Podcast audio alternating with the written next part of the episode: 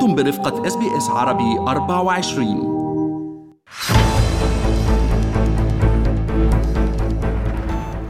تعاني ولايتا نيو ساوث ويلز وفيكتوريا من أكبر أزمة في أقسام الطوارئ في المستشفيات ونقص كبير في أعداد الأطباء والممرضين والمسعفين مقارنة بالأعداد الكبيرة للمرضى الذين يقصدون أقسام الطوارئ. تشهد أقسام الطوارئ في مستشفيات فيكتوريا وخاصة في عطلة نهاية الأسبوع ازدحاما كبيرا ونقصا حادا في الكوادر الطبية ما دفع المرضى إلى ترك قسم الطوارئ بسبب طول فترة الانتظار الطويلة دون رؤية الطبيب. وقال بعض المرضى في إحدى مستشفيات ملبون لشبكة أي بي سي أنهم اضطروا إلى الانتظار أكثر من 12 ساعة. الأمر الذي أجبرهم على ترك المستشفى قبل الحصول على الرعاية الطبية. ذكر الخبراء أن الاكتظاظ في أقسام الطوارئ هو الأسوأ منذ أربعين عاما. ويغادر أكثر من 800 شخص يوميا أقسام الطوارئ المكتظة في جميع أنحاء الولاية دون حتى رؤية الطبيب. طبعا ذلك وفقا لثلاثة أطباء قالوا إن نظام المستشفى تجاوز نقطة الانهيار. أضاف أيضا الأطباء أن المشاكل ليست فقط في أقسام الطوارئ ولكن في كل النظام الصحي. وبالمقابل تصطف طوابير سيارات الإسعاف مع المرضى اليائسين للحصول على سرير. بينما تبدو غرف الانتظار المكتظة أشبه بساعة الذروة في المطار. وبالكاد يوجد مقعد احتياطي بالداخل حيث ينتظر عشرات المرضى بفارغ الصبر لساعات على كراسي غير مريحة للحصول على الرعاية الطبية العاجلة يحتاجون إليها. وإذا حالفهم الحظ يحصلون على سرير. قال المفوض والرئيس التنفيذي لولاية نيو ساوث ويلز دومينيك مورغان لشبكة سكاي نيوز إن العامين الماضيين فرضا خسائر فادحة على القوى العاملة المتوترة بالفعل حيث تم تحطيم الرقم القياسي للمكالمات الخاصة بطلبات خدمة الإسعاف. للحديث عن أوضاع أقسام الطوارئ في مستشفيات فيكتوريا ينضم إلينا طبيب الطوارئ والباطنية بمستشفى وراغول بفيكتوريا الدكتور مثنى الكعبي مرحبا بك معنا دكتور مثنى بالبرنامج. يا أهلا وسهلا شكرا على الاستضافة. يا أهلا بك. دكتور مثنى أزمة تضرب أكبر ولايتين في استراليا نيو ساوث ويلز وفيكتوريا نعم. تكرما أن تصف لنا الوضع من حكم الواقع في قسم الطوارئ عندكم. الحقيقة في الآونة الأخيرة لاحظنا بشكل ملموس زيادة بعدد المرضى الوافدين إلى قسم الطوارئ بالإضافة إلى المرضى المتواجدين داخل المستشفى في قسم الباطنية وحتى في قسم الجراحية. هذا العدد إذا يمكن نقارنه قبل سنتين مع بداية وضع أزمة كورونا ما كان بهذا الشكل. هذا العدد بدا يأثر على مستوى الرعاية الطبية اللي ممكن نوفرها للمريض بدءا من الانتظار في صاله الانتظار يمتد يعني قبل أيام أحد المرضى انتظر إلى حد 8 ساعات حتى يحصل على الاستشاره الطبيه هذا هذا الوقت يعني غير معقول بالنسبة إلى قسم طوارئ وإلا ما معنى قسم الطوارئ. ثم بعد الدخول إلى الطوارئ نواجه مشكلة أين يذهب المريض بعد ذلك؟ إذا المريض بحاجة إلى رعاية طبية تتضمن دخول إلى المستشفى هذه راح تكون الآن المعاناة هي إيجاد سرير داخل المستشفى.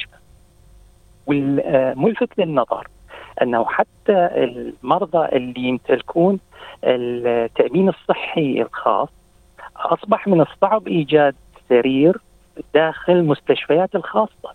يعني حتى المستشفيات الخاصة أصبحت مكتظة بحيث المريض يضطر إلى الانتظار بالمستشفى الببليك العام مدة يوم أو يومين أو حتى ثلاثة أيام للحصول على النقل إلى المستشفى الخاص. فإذا هي المسألة مو مسألة الطوارئ فقط هي مسألة النظام الصحي بشكل عام مدى يواكب عدد المرضى المتواجدين. نعم. هذه وصف الازمه الان نعم دكتور مثنى فعلا بحسب تقرير آه، طبي آه، نقلا عن عدد من أطباء آه، ولاية فيكتوريا أن المشاكل ليست فقط في أقسام الطوارئ ولكن في كل النظام الصحي. فحتى دكتور تقارير ذكرت انه امرأة مسنة توفيت بسبب ساعات الانتظار الطويلة.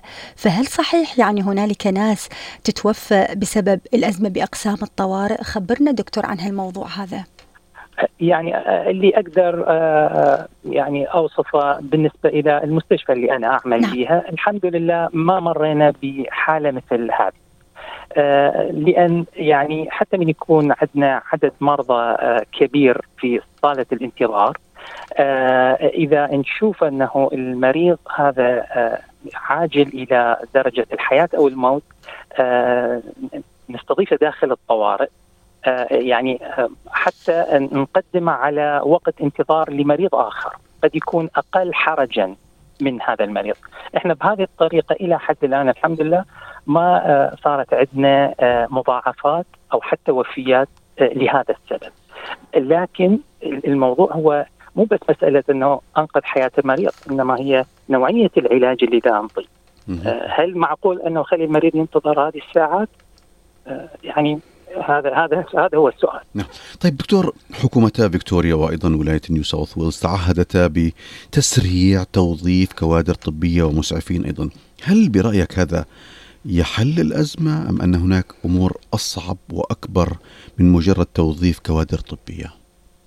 يمكن الموضوع أكثر من توظيف العدد، صحيح إحنا نعاني من مشكلة الغياب المرضي الكادر الطبي بسبب أما إصابة بالكورونا أو إصابة بالإنفلونزا أو أي شيء آخر.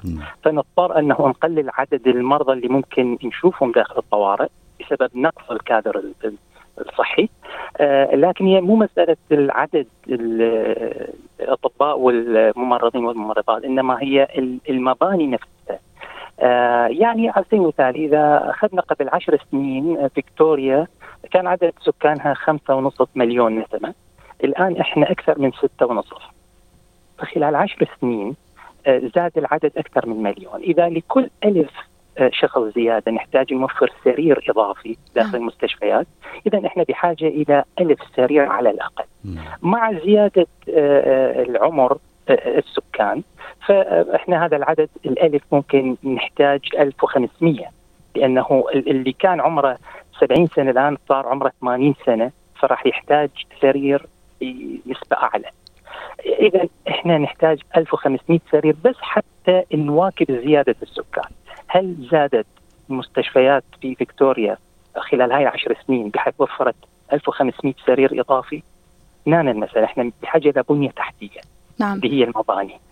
نعم. آه، دكتور بظل هذه الأزمة اللي يمكن نصفها بالمخيفة وعدم القدرة على تلبية احتياجات المرضى هل من الممكن آه، نصف أنه نظام المستشفيات بفيكتوريا آه، تجاوز نقطة الانهيار؟ هل وصلنا لهالمرحلة دكتور؟ يمكن الحمد لله ما وصلنا لمرحلة يعني نستطيع أنه ننقذ ما نستطيع انقاذه من الحالات الخطرة. آه، لكن ما معقول يستمر الوضع بهالشكل لأنه ما راح تكفي المستشفيات ولا عدد الأطباء والممرضين وباقي ال ال يعني كادر ال staff المساعد. نعم. الموضوع إنه إحنا بحاجة إلى آه، تعاون أكبر من آه، أطباء الأسرة ال GP للتخفيف عن الضغط على المستشفيات لأن يمكن 20 أو 25% من الحالات اللي إحنا نشوفها بالطوارئ هي ممكن علاجها مع طبيب الأسرة. وهذا العدد يعني ده ياخذ من جهد وطاقة المستشفى ومواردها بدون داعي. آه لما تكون الحالة بسيطة ممكن علاجها مع الطبيب الخارجي مع الجي.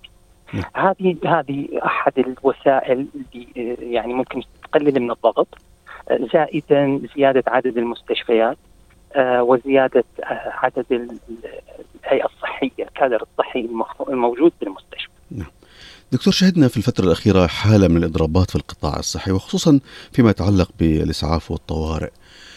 هل ترى إنه هذا أيضا في بعض اللحظات ممكن يؤثر على المريض، يؤثر على المرضى، يؤثر أيضا بطريقة أو بأخرى على خدمات في هذا القطاع؟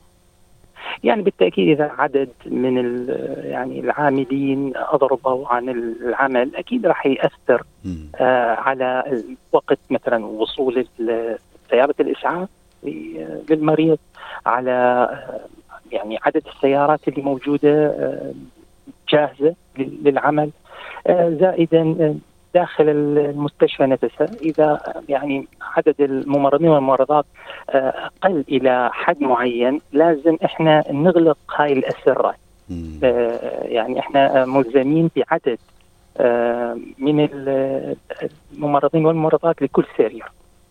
فمن يقل العدد بالتأكيد راح يأثر على الطاقة الاستيعابية داخل المستشفى. نعم. آه، دكتور هل يطمنكم موضوع آه، توفير يد عاملة وأيضا تعهدات الحكومة بتسريع توظيف كوادر طبية آه، من أجل سد النقص الحاصل باليد العاملة بأقسام الطوارئ؟ هل يطمنكم هذا الموضوع؟ لا بأس. خطوة خطوة جيدة. لا بأس. يعني إحنا الآن نضطر أنه نعمل شفتات إضافية بحيث يعني تأثر على على حياتنا. يعني الجزء اللي إحنا نحتاجه للراحة للمتابعة العلمية آه هذا كله إحنا نفقده لأنه إحنا نداوم آه بشفتات إضافية. فأكيد إذا توفر عدد آه من الأطباء وبقية الكادر أكيد راح يخفف عنا الضغط. فهذا شيء خطوة جيدة. دكتور آه، طبيب الطوارئ والباطنية بمستشفى وراغال بفيكتوريا دكتور مثنى الكعبي شكرا جزيلا على هذه المعلومات القيمة. هل تريدون الاستماع إلى المزيد من هذه القصص؟ استمعوا من خلال Apple Podcast، Google Podcast، Spotify أو من أينما تحصلون على البودكاست